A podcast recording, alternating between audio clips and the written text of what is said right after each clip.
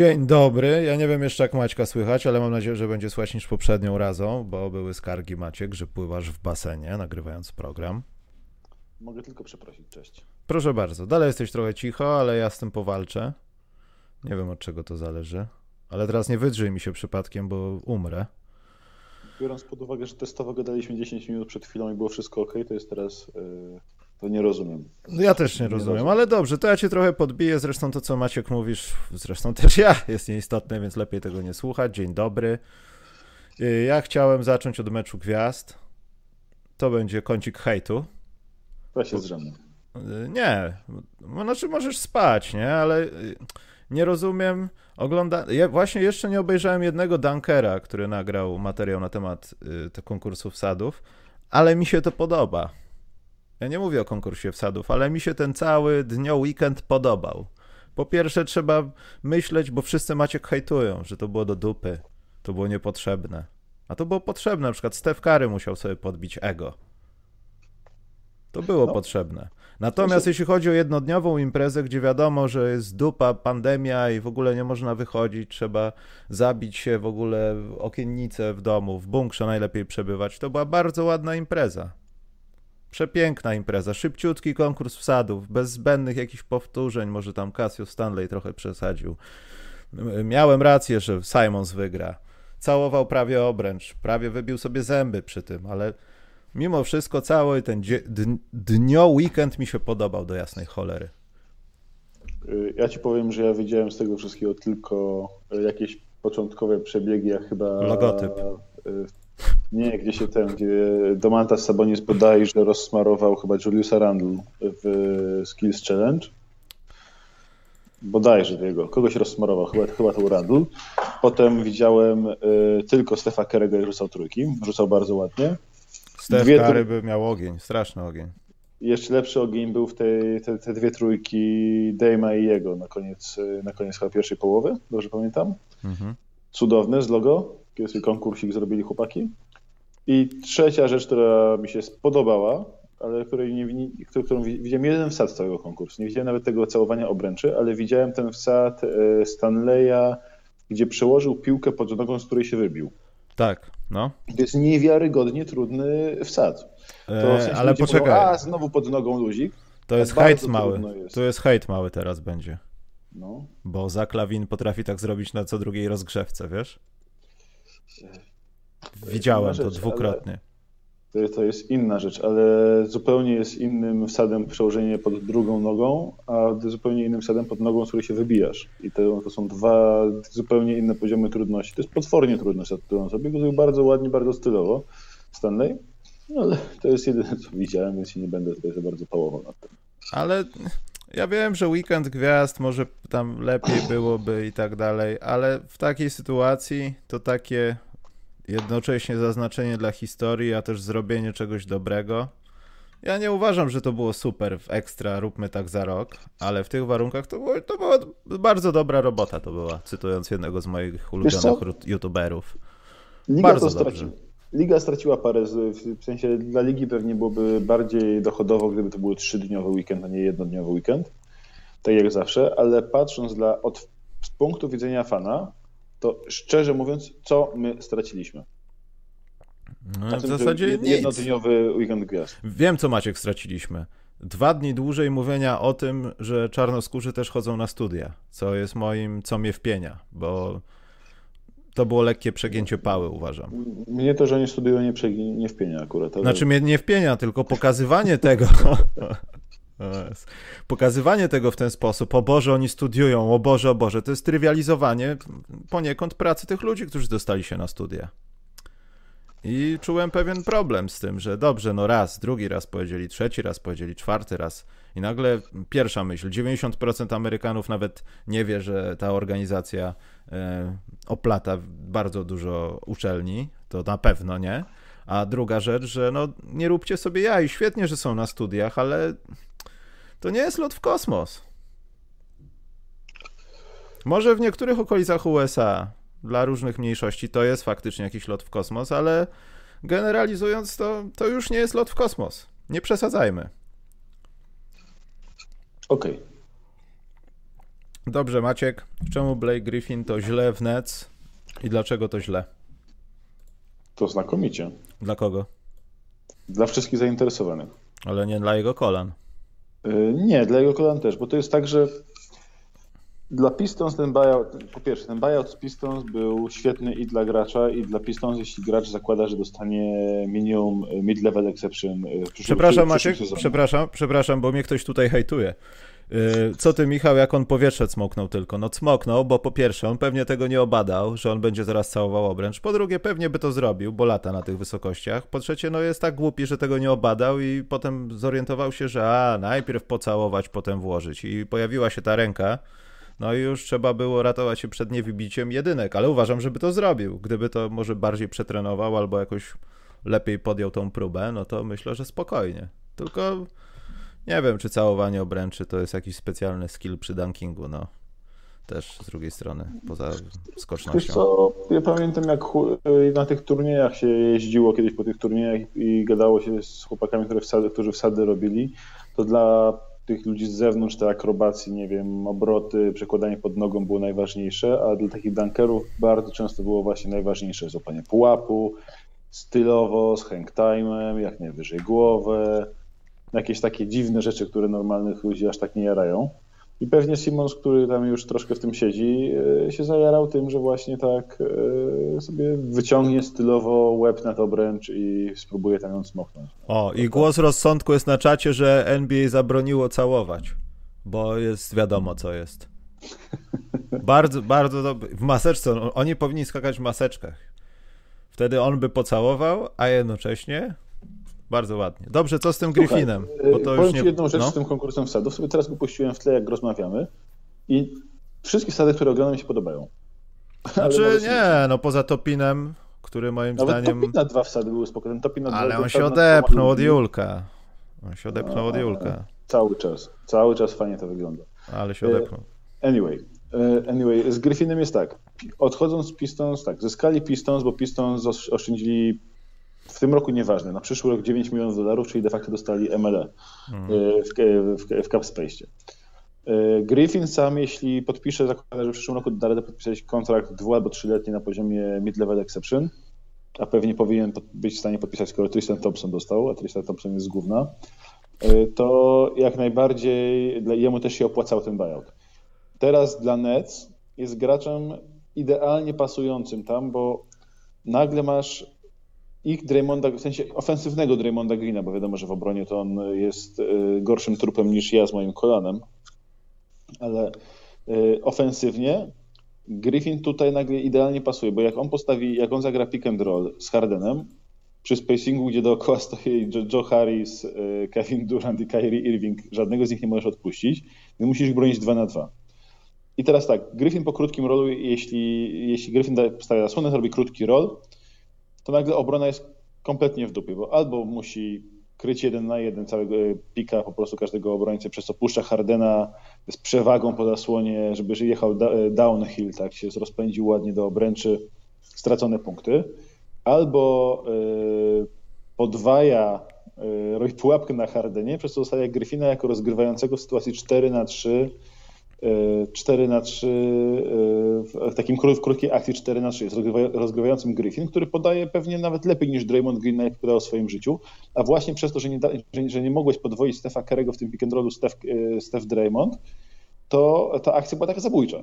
I tutaj nagle masz Griffina, który może albo sam iść do obręczy, dajesz mu małego gracza na pomoc, to on go tam spostuje, mimo wszystko to potrafi cały czas zrobić. Może walnąć truje lepiej niż kiedykolwiek Draymond truje może rozrzucić piłkę do opcji ma Irving, Durant, y, Joe Harris. I to jest akcja, która jest komplet, momentalnie od razu od startu kompletnie nie do obrony. Ja myślę, że już teraz sztaby Lakers, sztab Filadelfii, Milwaukee zastanawia się, jak do cholery to można obronić.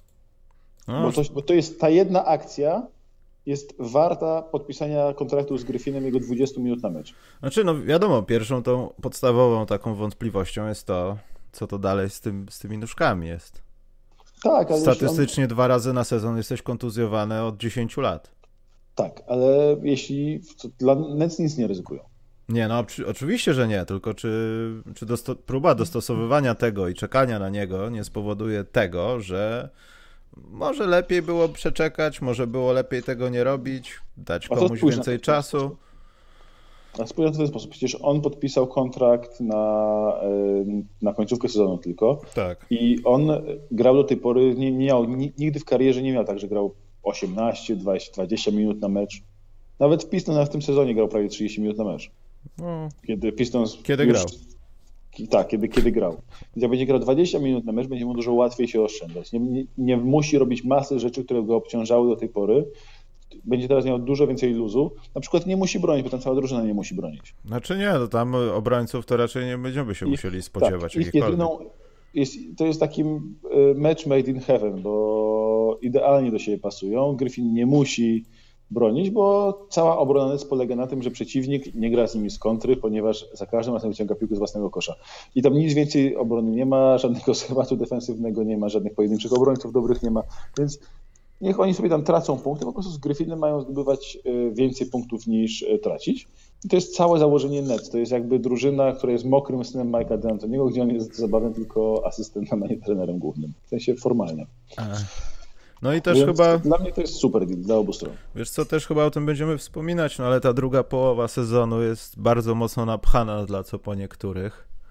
Tutaj też się trochę zastanawiam, jak to będzie z biegiem czasu, kiedy no nie daj Boże, coś się stanie z, y, ze zdrowiem i znowu będzie jakiś mecz do przesunięcia, trzeba będzie jeszcze bardziej to skompensować. Może się okazać tak, że ktoś nie rozegra kompletu spotkań.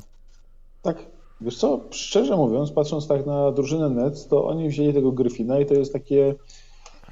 To się czemu mówi, że takie Big Free jest lepsze niż Big Two? Bo to nie chodzi o to, że yy, ta drużyna będzie z trzema graczami, takimi trzema świetnymi graczami naraz grała koniecznie lepiej niż przeciwnik z dwoma, drużyn, dwoma świetnymi graczami naraz lepiej.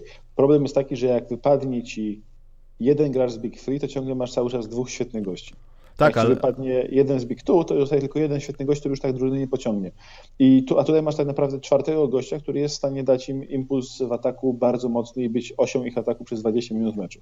Znaczy ja bardziej mówiłem w tym sensie, że patrzę na moją magiczną rozpiskę z Tenketonu i ten katon, czyli maszyna do obliczania też siły terminarza, chociaż ja nigdy w to nie wierzyłem zbyt przesadnie, no ale patrząc na to, co się będzie działo, Brooklyn jest... Na spacerek. No, trzeci od końca, jeśli chodzi o trudność, czyli trzeci od początku, jeśli chodzi o łatwość. Obok tak, niego... Tak, drugi najsłabszy terminarz widzę.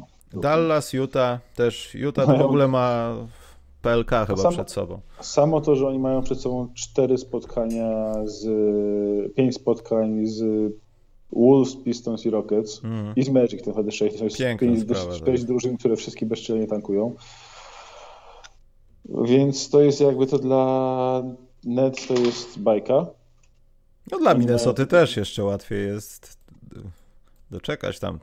Pieprzy Minnesota. E, w każdym razie W każdym razie dla Nets to jest super, jeśli chodzi o tą łatwość terminarza, ale mówię, oni jakby mogą odpoczywać, teraz mając tych czterech graczy, mogą cały czas od czasu odpoczywać, bo trzeba pamiętać, że tam nie jest tylko problem zdrowia Gryfina. Hmm. Tam jest tak, DeAndre Jordan ma 450 lat, nie ma żadnego zmiennika dla niego. Claxton dopiero wchodzi do rotacji powolutku, jest, wygląda super w tych małych minutach, ale to jest tylko Claxton. I e, Griffin to jest znowu pudełko pełne szkła. E, Kevin Durant właśnie przeżywa ten największy problem po kontuzji Achillesa, jaki jest, czyli nie to, że sama, że on wrócił źle wyglądając, bo wygląda świetnie. Problem jest taki, że od razu wyskakują kolejne kontuzje kompensacyjne. On tam ma, zdaje się, pachwinę teraz, tak? Czy no w ogóle teraz, wydaje tak? mi się, że niedługo będzie twarzą tej znanej bardzo manufaktury robiącej e, porcelanę w Ćmielowie. To jest, Ale myślę, to że człowiek tej firmy to nie jest kwestia porcelany, to jest kwestia tego, że po Achillesie masz tak dramatycznie się zmienia sposób obciążania nóg i tak samo zresztą jest problem z poważnymi kontuzjami kolana, przede wszystkim z, z Achillesem, że ci masz masę kontuzji kompensacyjnych. Achille, głównym ryzykiem z Achillesem, każdy ci rehabilitant fizjo to powie, że głównym problemem jest to, co ci się może stać następnego, te wszystkie mikrourazy po Achillesie. On nie miał w życiu takich problemów z pachwiną jak ma teraz Durant. A teraz ma takie problemy, bo kompensacyjnie troszeczkę inaczej się rusza, nawet nie czuje tego, że się troszkę inaczej rusza, nawet tego nie widać gołym okiem, ale troszkę inaczej się obciążają mięśnie i pachwinkę naciągnął. Teraz może być coś innego, może być jakaś łydka, druga łydka na przykład. Bardzo możliwe, że ma tak moc, bardzo wzmocnioną łydkę tą od Achillesa teraz, że druga łydka jest bardziej narażona. Dobrze, teraz gościa... pokojarzyłem, że przeskoczyłeś z Griffina na Duranta, jak o Griffinie bardziej jako... Nie, Griffin to jest już twarzą sklepu z porcelany już od trzech lat. Całej fabryki w Ćmielowie jest. Tak. I masz jeszcze Kyriego Irvinga, który do tej pory jeszcze w tym sezonie nie, nie, nie, ma swojego klasycznego urazu na 15 spotkań. Na razie tylko sobie pojechał na wakacje, ale jeśli chodzi o. On zawsze w każdym sezonie NBA do tej pory od chyba 5 lat ma uraz, który go wywala na 15-20 spotkań. No właśnie.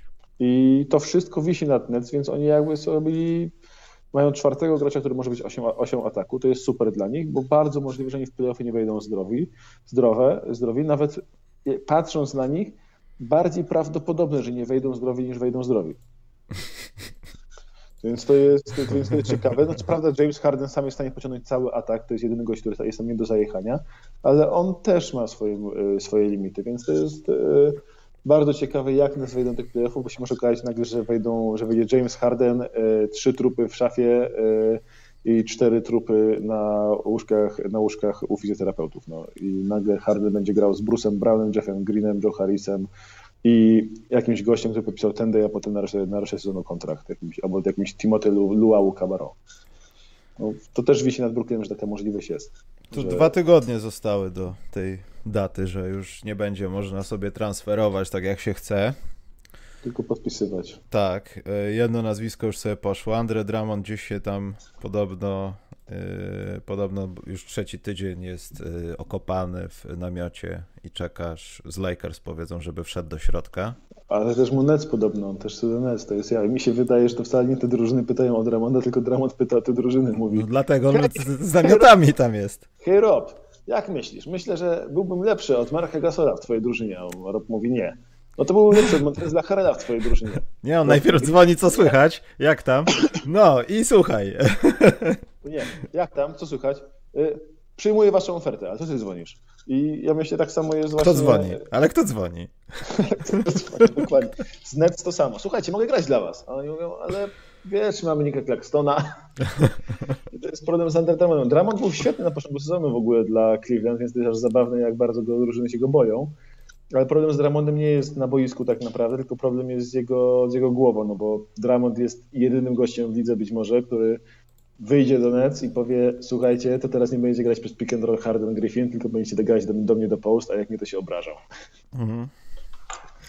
Ale to też jest ciekawe, czy, czy on y, będzie miał jakikolwiek wybór w sensie z tych naprawdę zespołów, czy, czy on się bardziej stara, bo wydaje mi się, że on się może bardziej naprawdę starać, to nie jest żart, że może nikt do niego nie, nie dzwonić. Ja się Pytanie jest, ja w życiu nie widziałem Andre Drummonda starającego się dłużej niż przez 20 spotkań, a tych 20 spotkań to i tak jest przez moją sympatię do niego, bo de, bo de facto powinno się mówić o 8-10 spotkaniach mocnych streczy i te spotkania, kiedy on się stara i wygląda dobrze w obronie, to były spotkania, kiedy stało dużo piłki w ataku, był centrum ataku Detroit, albo, był, albo Cleveland mówiło, dobra, przeżyjemy tego jego post-upy, jego 40% z gry u centra, ale chociaż w obronie robi robotę wtedy. I mhm. to jest jakby, i jeszcze nie widziałem Dramona, żeby się starał, kiedy ma mało piłki.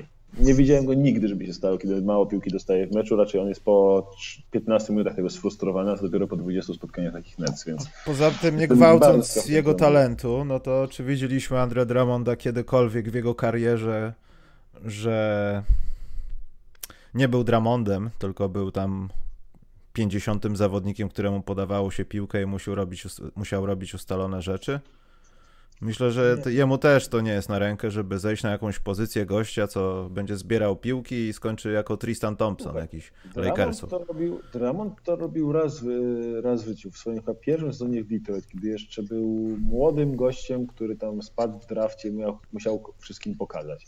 I on nagle wychodził i wyjmował piłkę z kozła Wade'owi i robił coast to coast z tego, albo e, zbierał 20 piłek w meczu po prostu skacząc ludziom po głowach i zbierając w ataku każdą jedną piłkę, która była w jego e, w promieniu 3 metrów od niego. Był kosmi kosmiczny, a potem stwierdził, dobra, teraz jestem gwiazdą. No i Ale w dobrej skończyło. drużynie, mówiłem.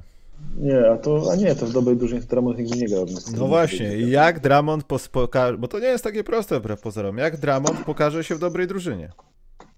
W takiej, która gra o coś, on ma lepszych ludzi wokół siebie i musi wykonywać określone rzeczy, a nie dramontozywać czy ogólnie robić swoje rzeczy. Pytanie jest, pytanie jest czy, czy, drużyna z Dramondem może być dobra, to jest pytanie w drugą stronę, bo generalnie on w dobrej drużynie powinien być Tristanem Thompsonem, jak powiedziałeś, lepszym Tristanem Thompsonem, tylko czy on jest w stanie tak bardzo swoje ego ograniczyć, to ja nie wiem.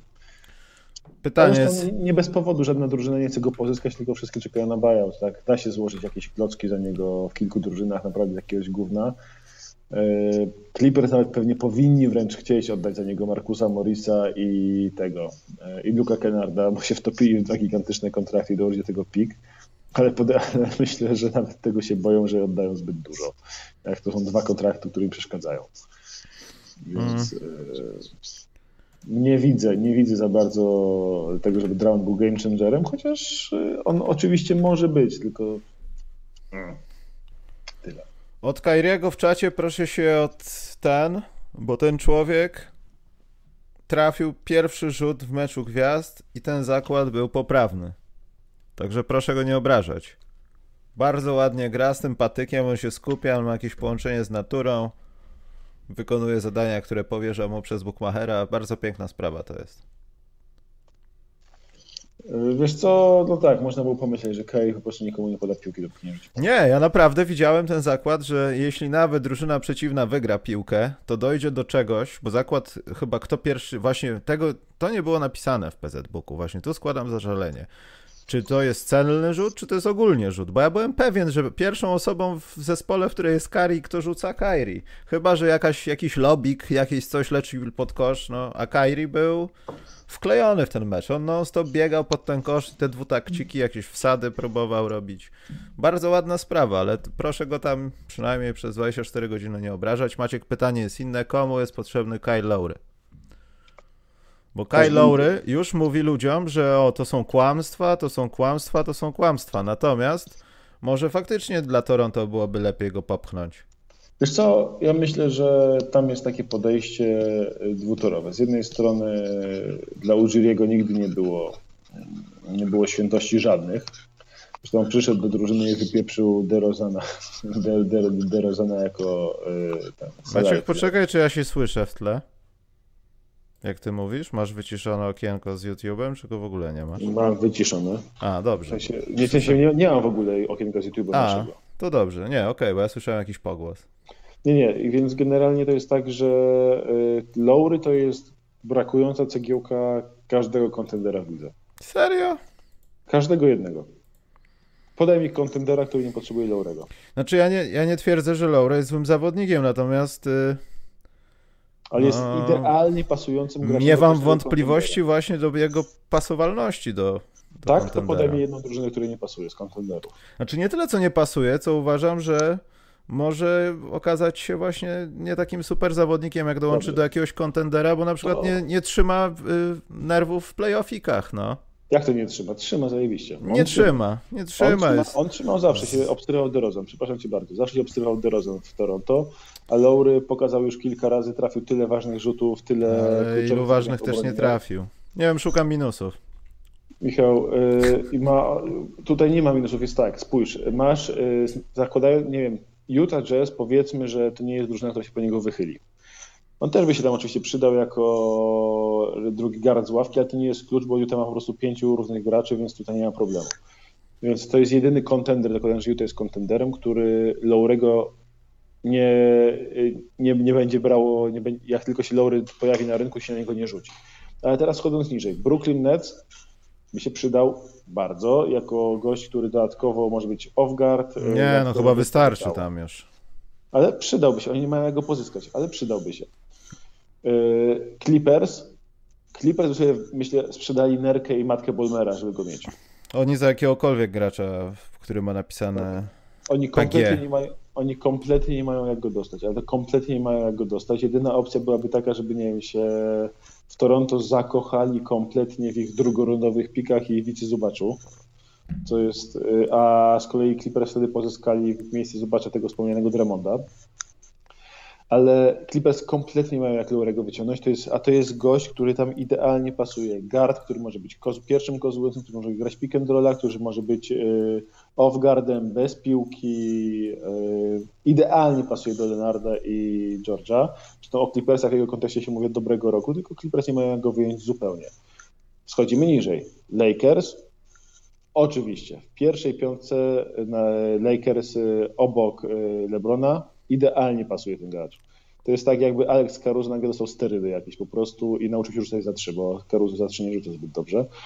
I cudowny, idealny gracz do obrony, obrona 1-4 Davis, Lowry, idealna.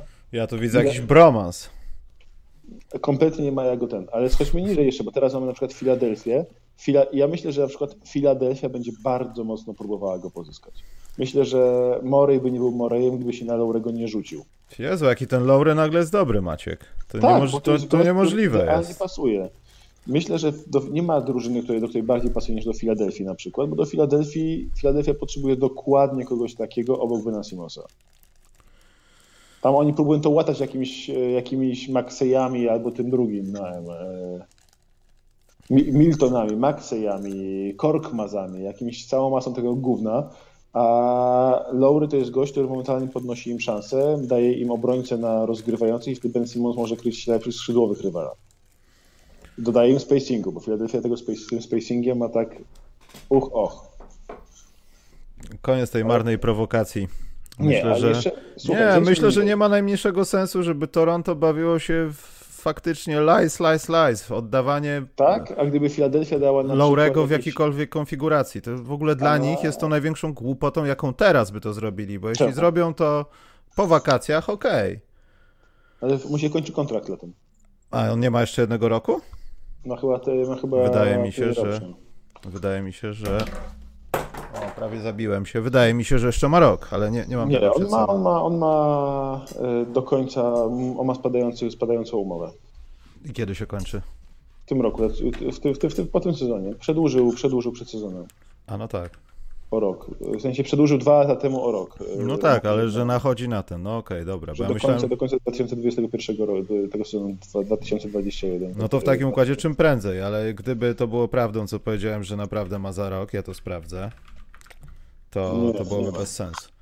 Poza tym, patrząc przez pryzmat Toronto, chyba im też nie do końca mogłoby zależeć, nawet jeśli ta uromowa trwałaby jeszcze rok, to co, mogłoby im nie zależeć nie? na tym, bo chyba nie po to wiązali się z Van Vlietem na przykład i nie po to mają, myślą, że mają i chcą wyciągnąć jak najwięcej z innych utalentowanych zawodników, żeby martwić się Laurym. No ale może właśnie oni powinni go oddać na przykład tak jak Philadelphia może dać, może dać, nie wiem, pierwszą rundę albo dwie pierwsze rundy i Maxeya. Ja bym tego nie robił. No jest to Toronto, czemu nie? To jest win-win. Mm, ale on jest młody. Kto? Maxey. No i Van Fleet jest względnie młody, Siakam jest względnie młody, Norman Powell jest względnie młody, Boucher jest nie rob, nie, nie jest takim istotnym. Nie, nie, nie, nie, nie, ryzykujmy. Znaczy ja, no, ja ale... był GM w Filadelfii, nie? Nie róbmy. To chodzi, żeby odszedł po sezonie? Mm, róbmy, nie wiem. Do kontendera? No, no nie wiem, no to właśnie. byłoby 50-50, nie wiem, czy bym podjął taką decyzję. Denver Nuggets też hmm. mogą go pozyskać. za kogo? Denver... Dajesz Garego Harrisa, dajesz... E... Gary Harris, dlaczego, co się, jak? Gary Harris, RJ Hampton, Ball Ball yy, i jakiś filler. Im brakuje ludzi. Denver jest strasznie płytkie. Brakuje im ludzi. Potrzebują kolejne, jeszcze jednego gracza. Znaczy brakuje im ludzi. Gracza. Ja się pytam, gdzie jest Gary Harris, jego przecudowny talent. Zostało z niego tylko Gdzie to jest? Piękne oczy to nie wszystko. Ten gość miał y, robić tyle rzeczy. Swoją drogą, wiesz na, jak, na jakiego gracza te wszystkie drużyny, właśnie też Denver, yy, Boston, wiadomo, Warriors, wiadomo, każda z tych drużyn jakby. Ja podejrzewam w ogóle, że Masai Ujiri ma jeszcze w ogóle jakiś taki pomysł, bo działa bardzo niesztampowo. Ma jakiś pomysł, o którym nawet nie pomyśleliśmy teraz i ten Lowry może pójść gdzie indziej, w jakiejś innej paczce, może wylądować, nie wiem, w Dallas Mavericks albo gdzieś jako off-guard do Luki Doncicza. W Vanvillu. E, wszyscy go łączą Laurego z Miami Heat jako tą samą kulturę organizacyjną, przyjaciel Jimmy'ego Butlera i tak dalej, i tak dalej. Miami nie ma go jak wyjąć za bardzo, bo nie ma czego oddać. E, ale Lowry generalnie mi się wydaje, że to jest pierwszy, chyba najważniejszy gracz do handlowania w teraz na ten trade deadline, który jest potencjalnie, jeśli on będzie do wyjęcia, to się liga zacznie niego zabijać. Mm. Będzie jakaś straszna licytacja. A drugi gracz, który w ogóle drużyny, które mogą nie zdobyć Lowrego, mogą patrzeć poza Lakersami, bardzo, bardzo zainteresowany na Lonzo Bola.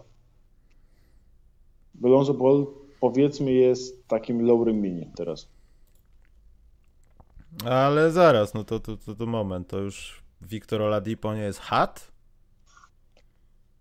Wiktor Oladipo jest hat w Houston? No nie jest hat Houston i w zasadzie ostatnio rzadko był hat, ale dlatego, że rzadko grał i miał ciągle te czkawy kontuzyjno jakieś tam. No bo to jest I... E, rzeczywistość Wiktora teraz. No. Uważam, że gdyby na przykład Wiktorek znalazłby się w Toronto i zagrałby cały sezon, to byśmy odszczekiwali, znaczy byśmy, myśmy, ty byś to odszczekiwał teraz.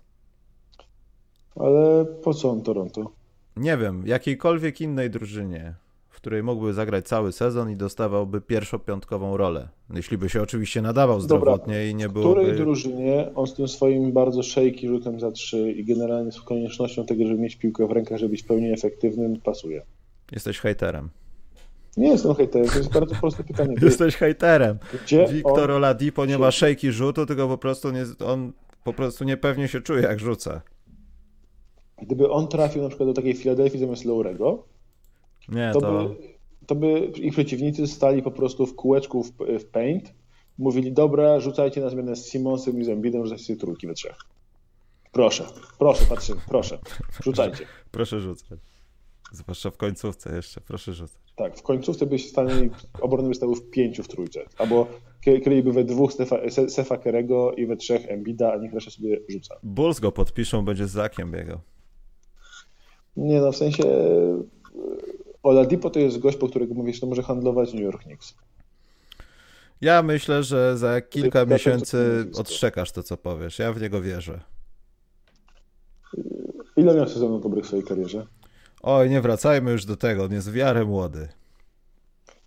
Nie wiem, mam wrażenie, że gra w NBA od 10 lat, z czego 8 jest chujowe. Pięknie śpiewa. E, nie, no śpiewa. Gra na pianinie, nie wiem, więcej plusów nie mogę sezon, znaleźć. Raz był fantazy dobry. W konkursie wsadów zrobił fajny wsad raz. Jeden. Jeden, no. Więc, ale no, nie bardzo. Ja mam bardzo piękną historię za sobą, to skandowanie Oladipo dużymi literami, ale jakby ja, ja mam wrażenie, że on pójdzie do jakiejś drużyny typu Dallas Mavericks, typu e, typu e, może Miami Heat, jeśli Miami Heat dołożą jakieś drugie rundy do Myersa Lenarda i tam jakiś drugi taki balon. nie, on chyba już nie... Myers Leonard jest zabanowany przez świat. Ale on jest, on ma, dali, Hit dali mu kontrakt tylko i wyłącznie po to, żeby go zhandlować, żeby ktoś go mógł go zwolnić. Podpuścili go tam w tych grach komputerowych i dlatego teraz go wytransferują po co mają, ale oni od początku dają mu taki kontrakt, przecież wszyscy dziwi, liczą, jaki dostał wysoki kontrakt, dostał rok plus rok, drugi, drugi rok to jest opcja drużyny, której żadna drużyna rozsądna nie podejmie. Handlujesz, możesz go spakować z jakimś, nie wiem, Kendrickiem, Nanem i czymś tam jeszcze i wysłać za Oladipo i ci jeszcze Houston podziękuję.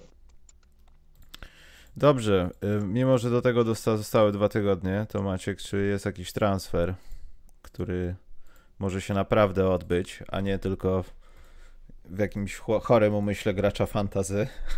Nie, wiesz co, ja myślę, który się naprawdę odbędzie, ale który będzie istotny. Ja i nie chcę, że Nets pozyskają kolejnego zawodnika, ale czy myślisz, że będzie jakaś taka wymiana, która no naprawdę będzie wymianą, która coś będzie znaczyła dla obu drużyn, ale nie w kategoriach ten ma piki w drafcie, a ten jeszcze bardziej gówno może, tylko naprawdę potem w playoffach okaże się, że to wow, to było to.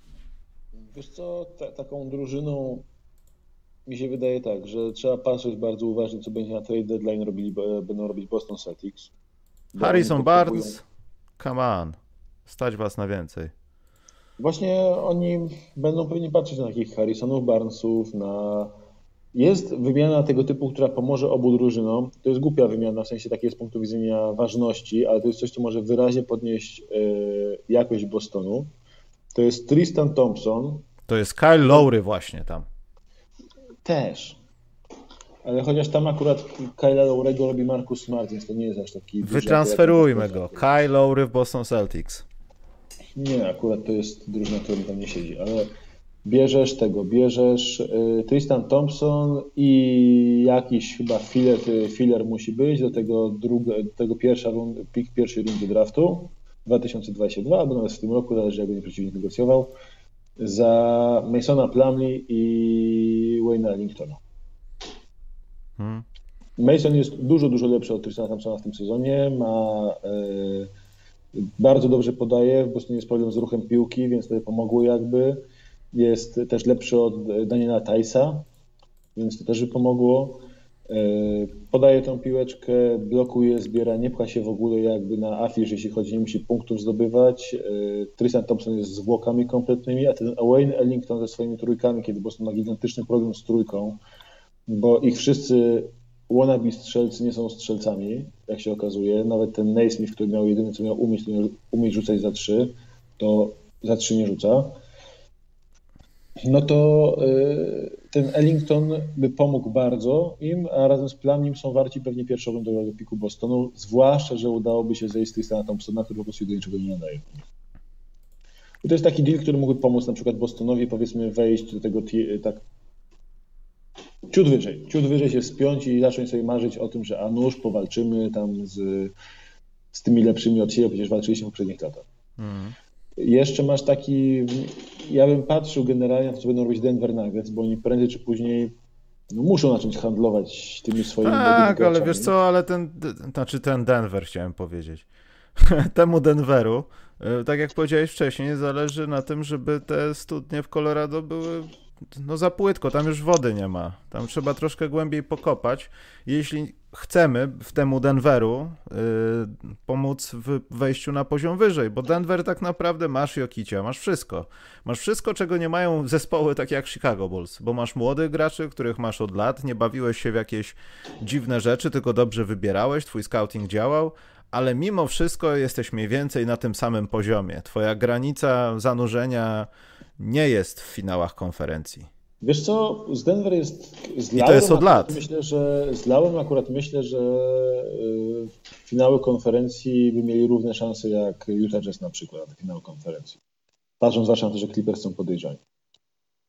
I, ale Denver ma generalnie tak, że oni, oni od lat jakby zrobili w zeszłym roku taki duży, ten duży błąd, że oddali właściwie za darmo Malika Bizleya i Juancho. Juancho się nie sprawdził, to Malik Bizley, jak się okazuje, no, teraz breakout spory w tym sezonie i wygląda świetnie dla Wolves. Przez co y, oni będą mieć problem po prostu, więc oni pewnie nie chcą drugi raz zrobić tego młodego gracza rozwijać, rozwijać, a sobie odejdzie albo go oddadzą za nic. Dobre wyglądanie w Wolves to nie jest chyba problem.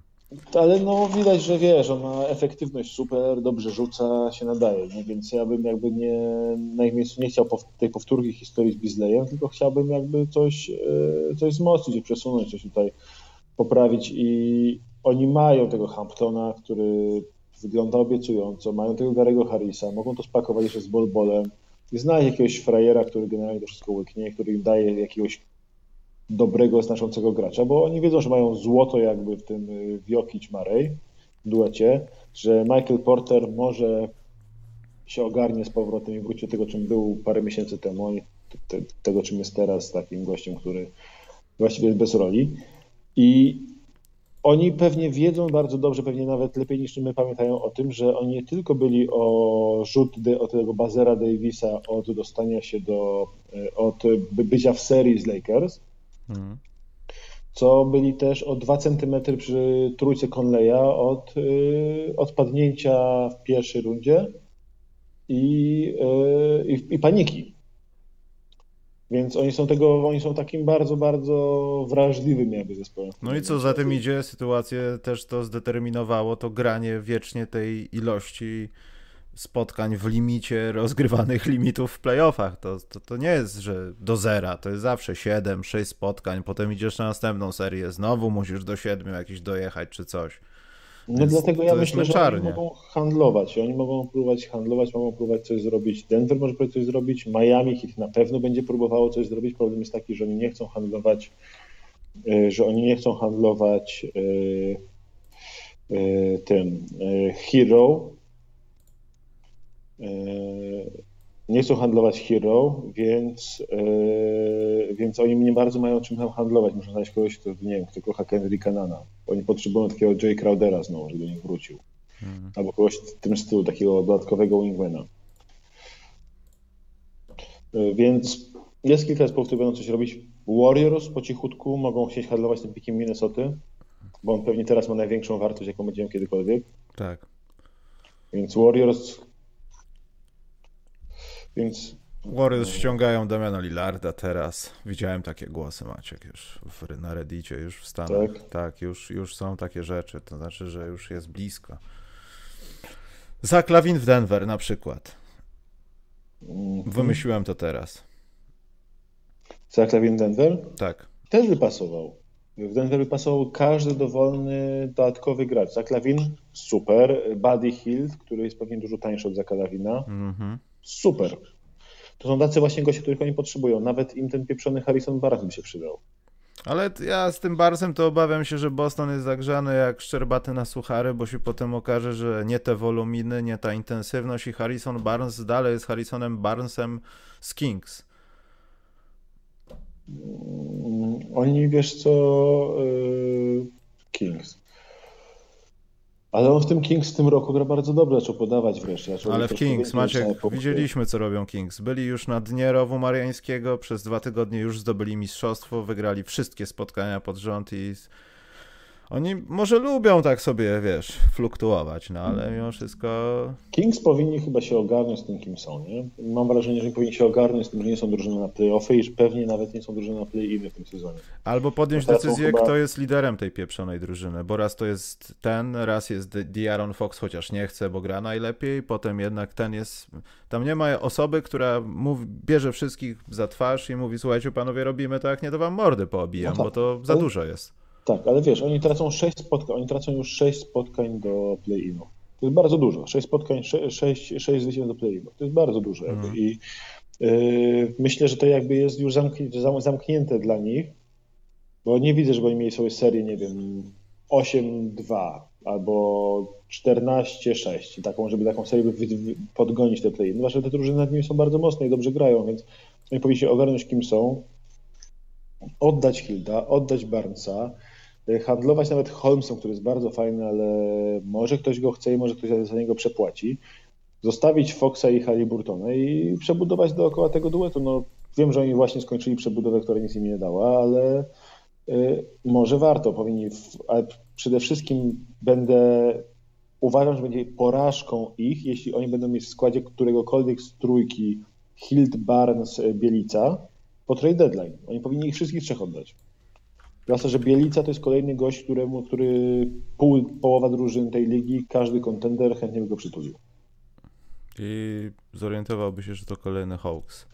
Nie, no Bielica to jest gość, który tam wiesz, może, może wyraźnie pomóc, który jest faj, fajnie gra w dobrych drużynach. On był, to jest niesamowite, jak głupim trenerem jest Luke Walton i tam, czy tam ktoś, kto mu doradza w tych Kings, bo no Bielica po prostu naprawdę, naprawdę jest przydatnym graczem i był najlepiej w zaawansowanych statystykach był najlepszym graczem King zeszłego sezonu bodajże. I to jest facet, który po prostu powinien gdzieś w dobrej drużynie grać i za niego drugą rundę dostaną na pewno. Chociaż pewnie inne drużyny teraz patrzą, może nie damy drugiej rundy, może go wykupią, bo są głupi, bo to Kings.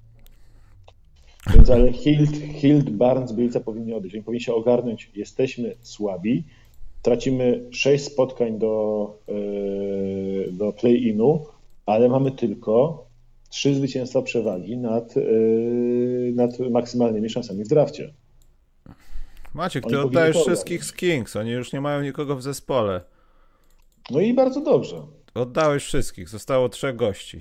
Nie można no, w trzech grać. Bierzesz, oddajesz na miejscu Denver za Hilda i Bielicę, oddajesz Garego Harrisa, y, Hamptona i Bolbola. No to, ale to przecież co, kto by zrobił coś takiego? Hampton rok pierwszy w NBA, Bol Bol drugi. Ja bym nie oddawał takich ludzi. Bol Bol może nie będzie diamencikiem. Ale Denver można na nich czekać. Ale ile czekasz na Bol Bola? To jest trzeci rok raptem. Ile czekałeś na Denver można ich czekać? Kiedy się zacznie Marej z Jokiciem irytować tym, że management im nic nie ułatwia? Hampton myślę, że będzie grał za nie ten, nie następny na pewno, może w następnym. Na pewno będzie grał jakąś istotną nie, rolę. Na miejscu Denver bym czuł teraz mocną presję, żeby pokazać, że teraz jest nasza szansa. Ale nie, oni to robią od trzech sezonów mniej więcej. Ta szansa Ale zawsze jest. trzech sezonów się nie wzmacniają, oni się wzmacniają tylko przez draft. Oni muszą kogoś pozyskać. No tak. I doczekają momentu, kiedy Jokic powie, dobra, słuchajcie, to ja nie podpisuję tego papierka następnego, bo to nie ma najmniejszego sensu. Marej mówi, a wiecie co, w sumie Skoro on ma rację. On nie, nie, on ma rację. Wiecie co, chciałem wam to powiedzieć wcześniej, ale czekałem aż ktoś zacznie. Ja już jestem spakowany. No jest takie ryzyko jakby, więc Denver powinni kogoś pozyskać w końcu, więc oni myślę zaczynają czuć tą presję. Nie? I i oni dla, i dla nich taki pakiet Hild Bielica byłby ze złota. Mogliby nawet dołożyć jakiś pik tam. Z Bielicy byłby. Filadelfia pewnie też gdyby mogła kontrakty skleić, takiego Hilda z Bielicą też by z przyjemnością przytuliła. Dobrze. To Tam przejdźmy. jest dużo takich Kings, generalnie drużyny, które będą oddawały graczy na pewno.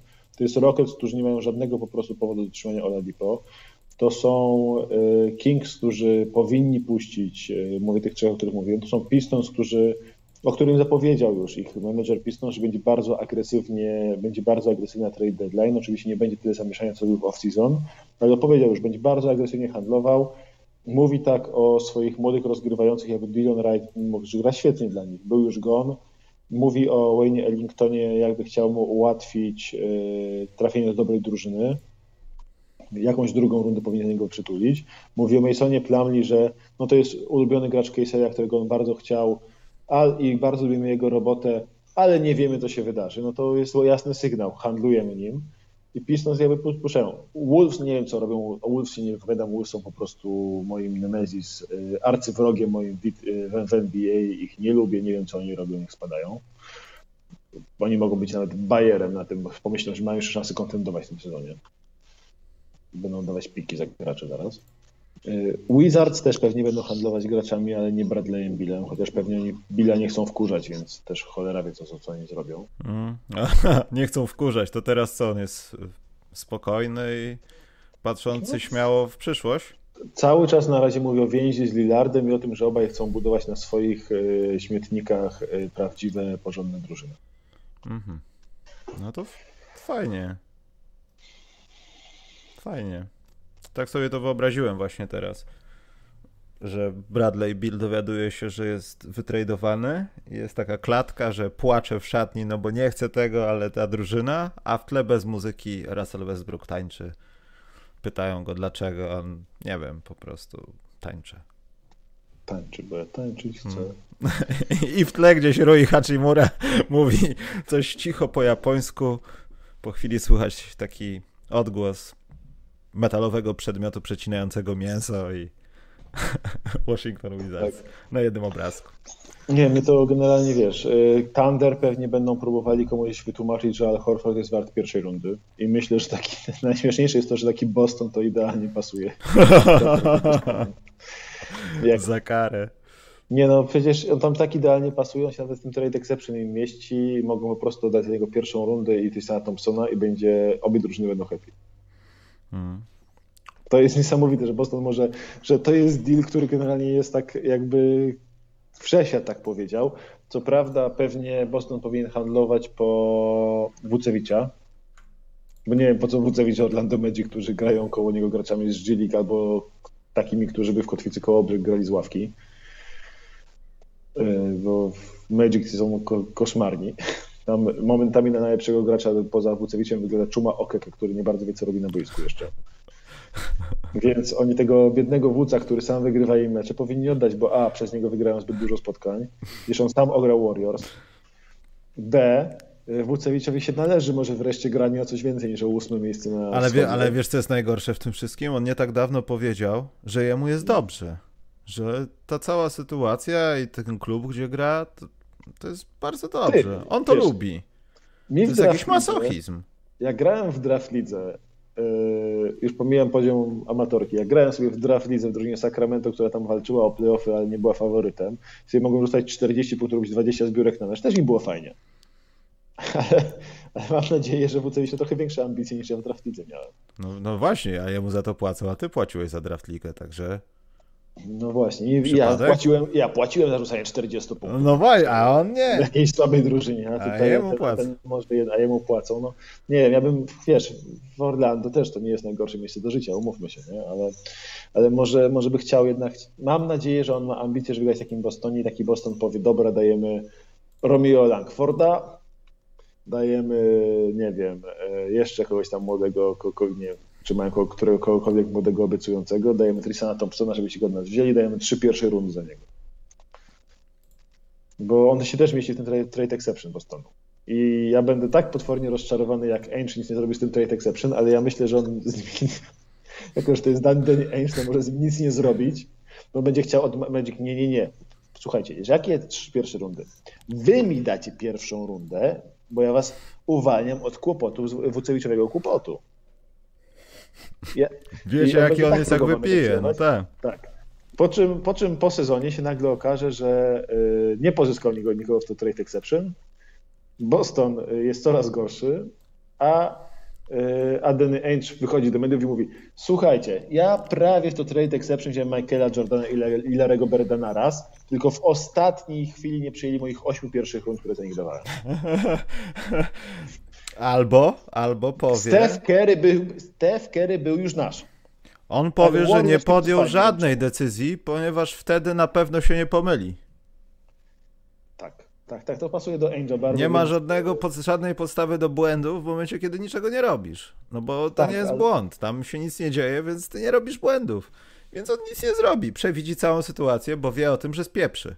No, więc on tego nie tak. zrobi, żeby nie spieprzyć. No to jest proste. No jak dla mnie to Kemba Walker wiedział, w co się pakuje. W każdym razie mówię, są drużyny, jest kilka drużyn, o ile cały, cała góra, myślę, obu konferencji może czuć y, szansę na mięsko, na pierścienie albo co najmniej finały konferencji, to jest, jeśli Oklahoma nic nie Oklahoma to jeszcze może w miarę nic nie robić, bo oni mają tyle pików, siedzą na tym, więc oni mogą już mieć wyjebane. Ale jeśli Kings nic nie zrobią, to będzie ich porażka. Jeśli Magic nic nie zrobią, będzie ich porażka. Jeśli Rockets nic nie zrobią, będzie ich porażka. Jeśli Pistons nic nie zrobią, będzie ich porażka. Ej, no czy, i... ale poczekaj, czy Rockets muszą coś robić? Tak, tak. naprawdę są 0,850 bez Christiana Wooda, poczekają sobie aż on wróci. Z nim byli na plusie, zapomnieli już o całej sytuacji z Hardenem. Bezpiecznie dograjmy sezon. Może się uda gdzieś tam pograć w tym play albo nie, to też nieważne dostaniemy pik i po taniości przebudujemy drużynę, a może ktoś tego tańc, ta, tańczącego koszykarza, śpiewającego weźmie potem. A, a właśnie też nie wiem, czy to te, w tym momencie się kończy mu umowa, jeśli go się nie uda upchnąć też trudno. To, co, bo mi się wydaje, że on teraz odrzucił przedłużenie, które miał podpisać dwuletnie. Tak, bo mu zaoferowano, no, czy nie? Coś ale takiego widziałem. Tak, odrzucił, on nie chce i więc oni mogą puścić te, ale jeśli oni teraz nie zhandlują Dipo i Takera, to po sezonie ich stracą za darmo. No to trudno. Więc, ale to z ich, z ich punktu widzenia to jest porażka. No. To znaczy, że oddali, kogo oni tam oddali do, yy, w tym dealu? Że yy, jak wzięli, jak oddawali Hardena, to zamiast Leverta wzięli Oladipo, tak, bo to jest generalnie tak. był ten wybór Natomiast Leverta wzięli Oladipo, który, którego stracili za darmo. No i to jest porażka. To jest eee. ewidentna porażka, więc oni myślą, że... Ale posiadanie Hardena, patrząc w tych kategoriach przez ten ostatni czas, to też było jeszcze większą porażką, więc ja nie wiem, czy to nie jest porażka, tylko wkalkulowany taki, taki no, po prostu plan B, który jest minusowy na papierze, ale i tak jest przebudowa, who cares, co my dostaniemy za nich? Za PJ Tuckera, który potrafi być cieniem samego siebie, co my możemy za nich dostać też z drugiej strony? Piki.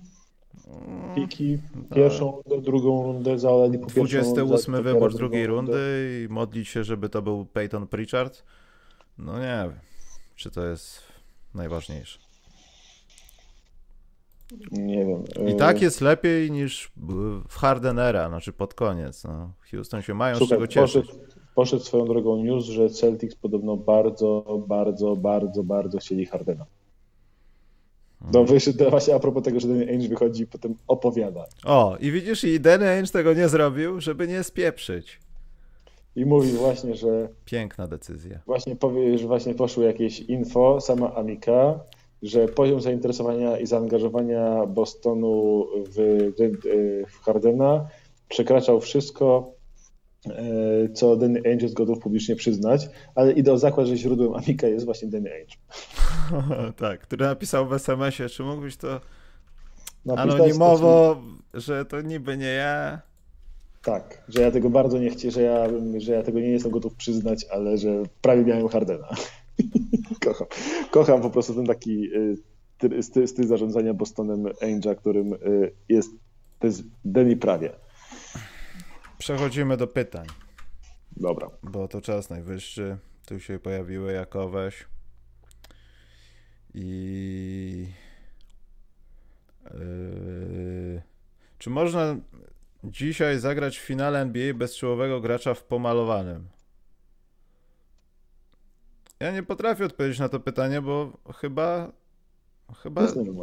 Znaczy, to nie o to chodzi, czy można, czy nie można, tylko chodzi o to, że teraz. No, teraz, od pięciu lat, wszyscy w tej koszykówce są uniwersalni w zasadzie, no. Pomijając, że ktoś jest Stefem Karem, no niestety, tego nie przeskoczysz, no, ale, ale, jak masz dwa metry, to jesteś i w pomalowanym, i ładujesz z łokcia, ciężko powiedzieć, no. Dobra, e, ale spójrzmy tak historycznie nawet na ostatnie kilka lat. Masz tak, e, w zeszłym roku miałeś finale Lakers i Miami. Miami powiedzmy miał tego Bama, Lakers e, Davisa. Niech będzie, że Bam był już wtedy czołowym graczem NBA pomalowany. Ale schodźmy sezon wcześniej, tam było Toronto. Gdzie ani Mark, ani Ibaka nie byli czołowym graczem NBA. Nie byli czołowymi graczami z całym szacunkiem. NBA nie byli czołowymi graczami NBA w pomalowanym. I Warriors też nie mieli żadnego czołowego gracza w pomalowanym. I samo to, samo to w sobie jakby już, już, nie, by, już, nie, było, już nie było. Dwa lata temu były, żadna z drużyn w finale NBA nie miała jakiegoś y, dużego, ważnego gracza pomalowanym w, w tym.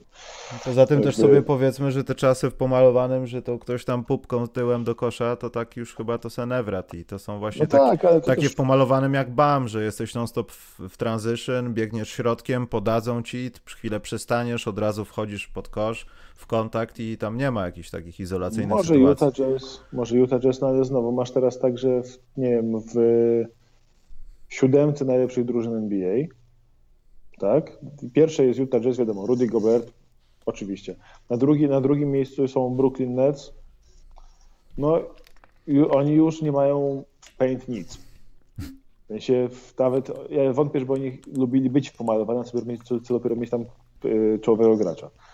Trzeci masz Clippers, znowu y, tam na centrze gra, grają zwłoki i baki i wiecznie młody, obiecujący jak Łukasz Koszarek i Wica Zubak. Y, Lakers mają Davisa, znowu Philadelphia ma Embida oczywiście, ale na szóstym miejscu są Phoenix, którzy czy Aiden jest czołowym graczem NBA w pomalowanym? No mocno bym wątpił. Mm. Jest, y, to jest jeśli chodzi 15, o. Ale to poczekaj. 15 center ligi. Ale jeśli chodzi o jakieś ofensywne sytuacje, nie są gdzieś tam w czubie, jeśli chodzi o skuteczność? Może to wystarczy? Nie, nie jest. On oddaje mało rzutów, jest. To jest, ale to jest top 15 center ligi? Top 10? Nie wiem, czy jest top 10 center ligi. No dobrze, no ale z drugiej strony ta drużyna jest taka, że więc on, nie, ma, ja... on ma zebrać bardziej niż coś tam nie, no, się No tak, chwalić. ale to nie jest czołowy center ligi jakby, więc Phoenix też to jest Phoenix są realnym kontenderem według mnie, ale oni z Aytonem jakby to nie jest czołowy center ligi i potem masz Milwaukee Bucks i teraz jeśli na, na Bucks patrzy, że Janis jest podkoszowym, graczem pomalowanym, to... Nie, no chyba nie można tak patrzeć na Janisa. No właśnie to jest ten problem. Według mnie Janis powinien być takim graczem. Powinien być gościem, który jak LeBron w 2013 roku zaczyna, a swoje, większość swoich akcji w high post, low post i po prostu stamtąd rozgrywa, podaje, bo jak Janis dostaje piłkę w post, to, to drużyna dostaje po prostu, obrona przeciwnika dostaje padaki. No nie, tak, nie ma no. pojęcia co robić. Po prostu nie ma pojęcia co robić. On tam wygląda jak yy, nienauczony niczego Karim Abdul-Jabbar. Bardziej atletyczny, ale kompletnie nienauczony jakiegokolwiek ruchu. No i jedyna droga, żeby wyegzekwować zagranie, to jest wsad. Tak. Albo leciutki ale... półhaczek, gdzie i tak twoja obręcz jest na palcach, więc nie ma szans, żeby nie trafić. Ale latała taka akcja ostatnio Karima po Twitterze, że on dostał piłkę w post, zrobił kozioł, w, tam w high post został zrobił kozioł w stronę kosza i wyciągnął rękę nad, nad rywalem i po prostu wsadził razem z nim piłkę do kosza. Bez, żadnego, bez żadnej finezji i, Jan, i to wyglądało dla mnie, o, mniej atletyczny Janis. Bo Janis takie rzeczy robi. Janis nie ma tych manewrów, nie ma haka, wiadomo i tak dalej, ale Janis, który powinien grać w tym paint, no ale on teraz, teraz nie jest czołowym graczem NBA w pomalowanym, jeśli bierzemy, mówimy tutaj o centrach silnych skrzydłowych, którzy swoje, swoje życie spędzają w paint. I znowu Bucks to jest drużyna bez takiego gracza, więc jak najbardziej możesz grać w finale i możesz nawet wygrać ligę bez takiego gracza. Mm, Niestety. Mimo, mimo, że jest fajn, mimo że masz e, renesans tych centrów, to cały czas to nie jest tak, że to jest najważniejsza pozycja na boisku. Bóg Bóg zapytał, liga zmieni punktację, Kobi zmniejszy, co by zmniejszyć liczbę trójek, e, czy w drugą stronę wprowadzi jakąś strefę za 4 punkty, jak zachęcić graczy do takich popisów globtroterskich? Ja nie wiem, czy czytałeś, ale to się od kilku chyba lat już. Ja pamiętam, że gdzieś nawet o tym chyba kiedyś pisałem. E, w którymś z uniwersytetów wprowadzano nie tylko dalszą odległość, delikatnie dalszą, bo nieco delikatniej, ale delikatnie mimo wszystko i to nawet na, małej, na małym jakimś 2-3 centymetrach ma olbrzymie znaczenie, podwyższano obręcz żeby no. doprowadzić do tego, żeby rzucać. No i tam eksperymentalnie grano, tam była akcja chyba za 4 punkty. I no i chyba to jest ten trend, no. Chyba, chyba zresztą, nie wiem, kto pamięta kiedyś, ja nie mówię lata 80., ale lata 90. E, masz 2 metry, czym się zajmujesz? Musisz grać w kosza. Masz 1,70 m? Nie, koszykówka nie jest dla niskich ludzi. No to teraz macie. Może nie ma tych ludzi po 1,70 m, ale tak naprawdę teraz liczy się tylko, żeby rzucać. Rzucać, jeszcze raz rzucać. To jest, to, jest, to, to jest wasza wina. Wszystkich ludzi, którzy chcieliście, żeby koszykówka była dla wysokich ludzi. To w końcu przyszli niscy i zaczęli wprowadzać swoje rządy jak Steph Curry. No trochę przy użyciu, no w ten, y, trenera Kera, bo gdyby ktoś mu na to nie pozwolił i nie dawał mu odpowiednich warunków do tego, to by pewnie do takiej erupcji by nie doszło. Ale doszło. I, i, to jest, I to jest wasza wina. Tych wszystkich ludzi, którzy chcieli, żeby koszykówka była dla niskich. W tym też dla mnie.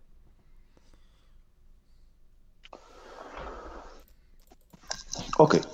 Szukam pytania następnego, jak nie to idziemy. Chyba, że chcesz coś o trójkach, Maciek, powiedzieć. W sensie dla mnie jest tak, że y, Generalnie liga będzie działała, musi najpierw, zanim się zajmie trójkami, musi zająć się tymi przepisami, o których mówiliśmy w poprzednim podcaście. I tutaj są większe problemy, liga ma dużo większe problemy niż rzut za trzy.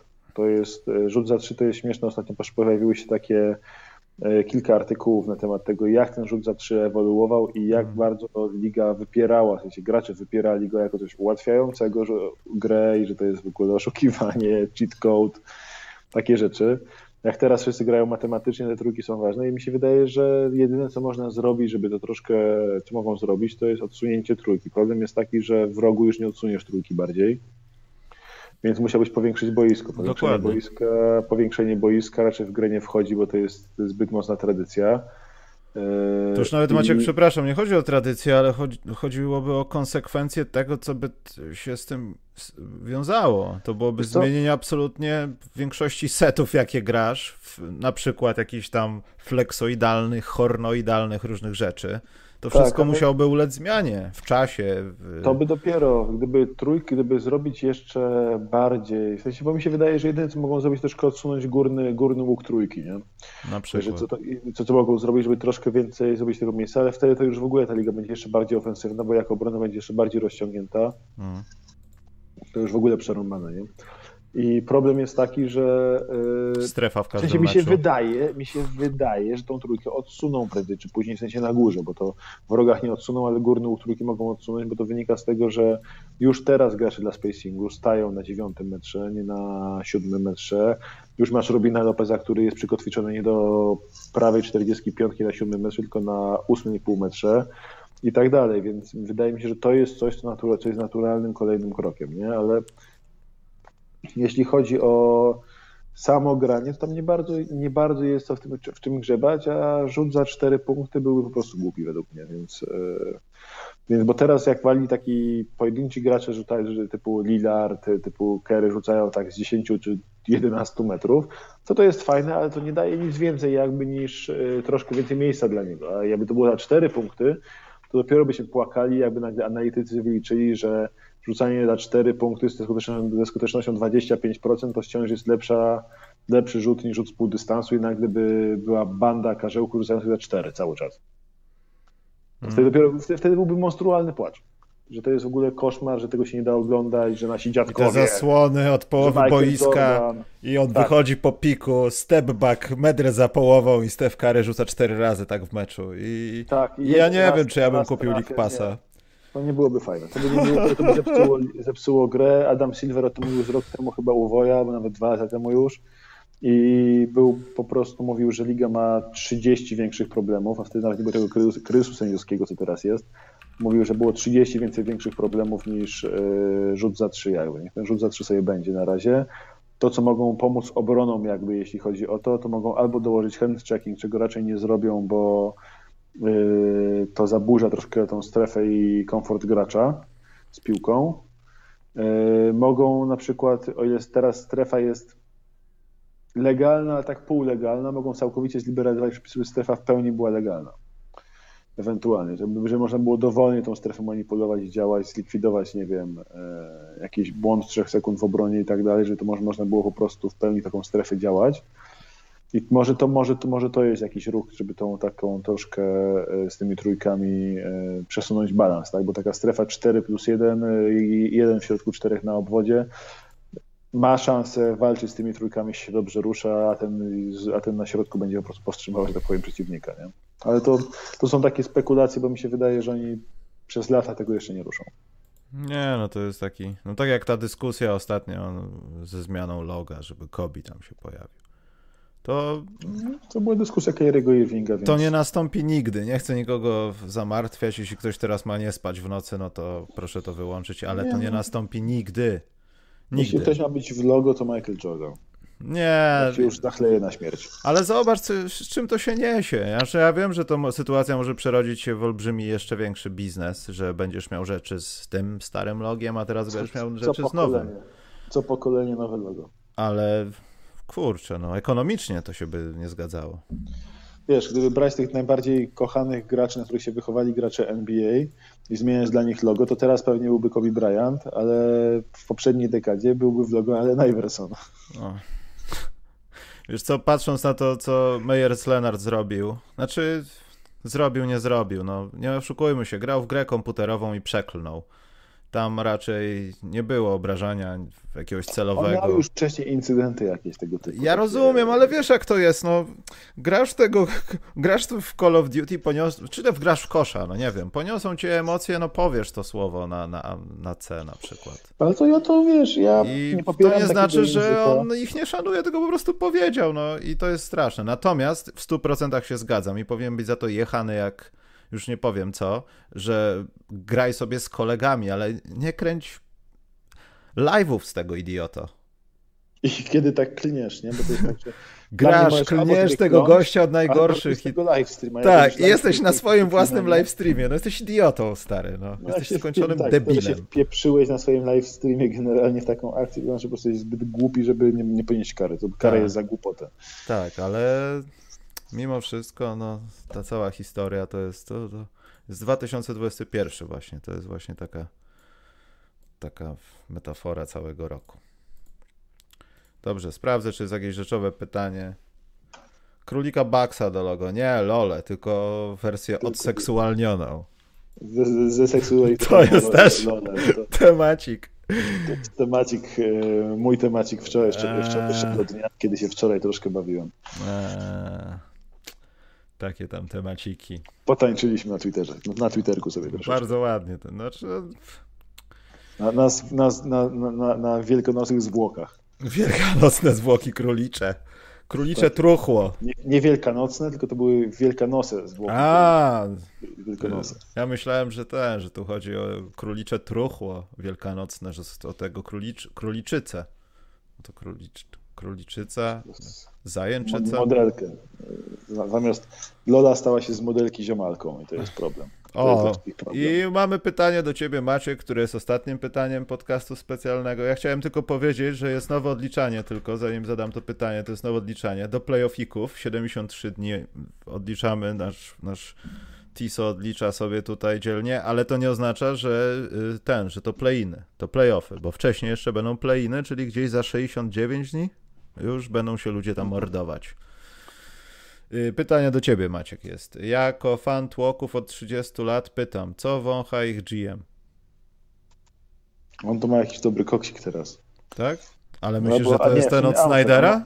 Czy lepszy? nie, nie, nawet nie on ma Amfę, on jest super, on jest, on jest pobudzony. On jest mocno pobudzony cały czas, on jest turboaktywny. Ja, to, ja, to, ja, ja tego się uwielbiam, bo to jest chodzący cytat. Nie wiem, czy słyszałeś, co on powiedział, co on powiedział bodajże wczoraj na swojej konferencji jak już sobie natarł dziąsełka. Generalnie sypnął, sypnął, sypnął Troy takim strzałem, że mówi, że w przypadku Pistons to nie jest przebudowa, a odbudowa. I się pytałem go, czemu to jest odbudowa, a nie ten. A on mówi, bo przebudować to się może Atlanta lub Wolves, którzy nigdy nie zdobyli mistrzostwa. Pistons zdobyli trzy mistrzostwa, więc się odbudowują. Bardzo mi się podoba. I on generalnie, ma masę takich cytatów.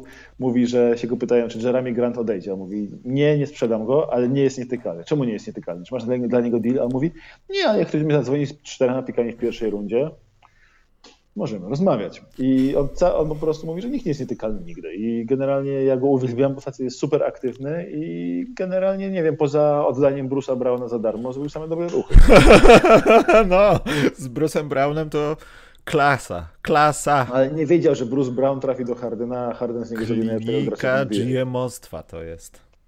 Nie, nie było, nie wiedział, nie wiedział Troy Weaver, że Harden weźmie Bruce'a Browna i mówi stary, teraz będziesz graczem na 30 punktów w meczu rzucającym 11 na 13 z gry. That escalates so quickly. To, tak, to, to było szybko i zaskakująco i myślę, że to, się nie, to nie jest coś, co będzie trwało mimo wszystko długo, bo jak wróci Jeff Green, to mu zabierze miejsce. Bruce Brown za dobrze broni dla tej drużyny, żeby w niej grać regularnie. Kostek zapytał. Na którym miejscu w tym roku, w tym roku zakończą Celtics? Dokąd zmierza ta drużyna? To... A to musisz sobie przewinąć, bo tutaj będzie dużo warunków i wszystko zależy od tego faceta, co grał w kosza, taki blondyn. Przypomina Paula McCartneya, ale jak założysz okulary, to wygląda jak Danny Ainge i to od niego zależy, co dalej. E, wiesz co, ja myślę, że tak naprawdę Boston to jest, jest przyspawany do miejsc 4-5 na wschodzie. Takie Denver 4, wschodu. On nie będzie powyżej play-inów, ale nie będzie w top 3. Hmm. I oni będą generalnie, będą teraz są drużyną, która będzie walczyła o drugą rundę. I drużyną, która będzie walczyła o drugą rundę mogą być tak naprawdę przez Chicago Bulls. lata. A, myślałem, że. Nie, nie, nie, nie, że Boston po prostu, jak, jak, to, jak, jakaś przyszłość no, czy Boston będzie lepszy w tym roku lub w przyszłym od Brooklyn Nets? No, nie widzę żadnej ścieżki. Czy Boston będzie lepszy od tak grającej wreszcie ogarniętej Filadelfii? Wątpię. A może, Boston... a może należy postawić inne pytanie? Czy Tatum pewnie tak, ale czy Brown będzie lepszy? Wiesz co? To, to, jest, to będzie ciekawe, bo ja uważam, że Brown może skończyć jako lepszy gracz niż Tatum. Tak? Bo jak na tak razie uważam, to że... chyba na tej fali tak bardziej Tatum jest, ale to może tylko optycznie. Oni tam są tacy. Chociaż jest tak, że się wyprzedzają. Jeden jest w dołku, drugi gra dobrze, trzeci, trzeci. Kolejny wychodzi i tak dalej, i tak dalej. Kręcą się cały czas.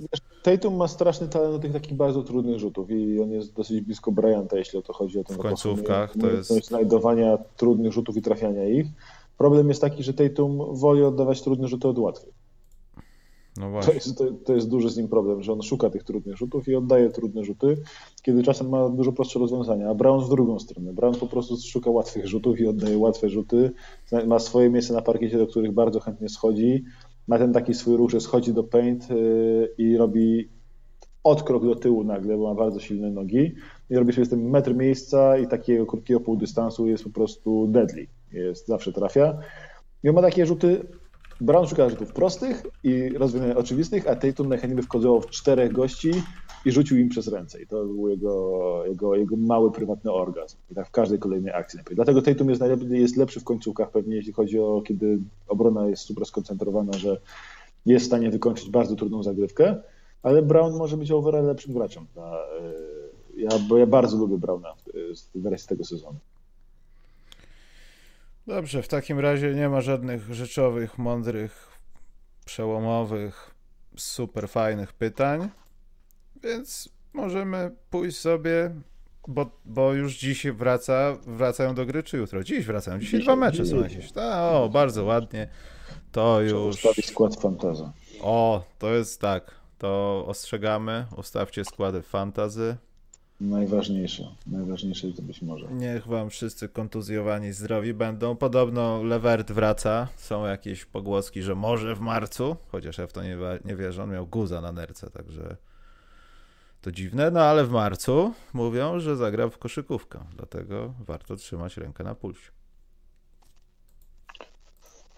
No, więc, yy, więc, więc tak, więc myślę, że możemy już kończyć po fantazji. Przepraszam, tak się zamyśliłem po prostu po fantazji o wymianach, które muszę zrobić, żeby uratować się no. w swojej własnej lidze. Matematyczny Maciej wrócił właśnie teraz i udaje się do swojego ciemnego pokoju z kalkulatorem, liczydłami z bursztynów, żeby dokonać wymian. I doratować świat zaraz. I wstrzykiwać sobie to, to co Queen Snyder spra sprzedaje. Spra nie, i sprawdzę sobie to Troy Weaver na, y, empirycznie. Czy tak samo to trzyma. Tak Dobrze. To w takim układzie słuchajcie, właśnie a propos rzutów za trzy punkty, to będzie w tym tygodniu podcast o człowieku, który napisał książkę naukową po angielsku. Polak to jest. Nazywa się Łukasz Muniowski. To jest strasznie nieznany gość. Ja nawet nie wiedziałem, że w Polsce on jest tak nieznany a pisze ciekawe rzeczy o koszykówce, nawet książki takie, że w środku dużo kartek jest i okładka to książka jest. I on takie rzeczy tworzy o koszykówce. Także to będzie w tym tygodniu jeszcze. Dziękujemy za dziś. Maciek, możesz teraz konstruktywnie i kreatywnie pożegnać się z Państwem. A ja Dziękuję mówię do widzenia. Państwu. Dziękuję Konst... Państwu, do widzenia. Bardzo konstruktywnie. Czołem. Na razie.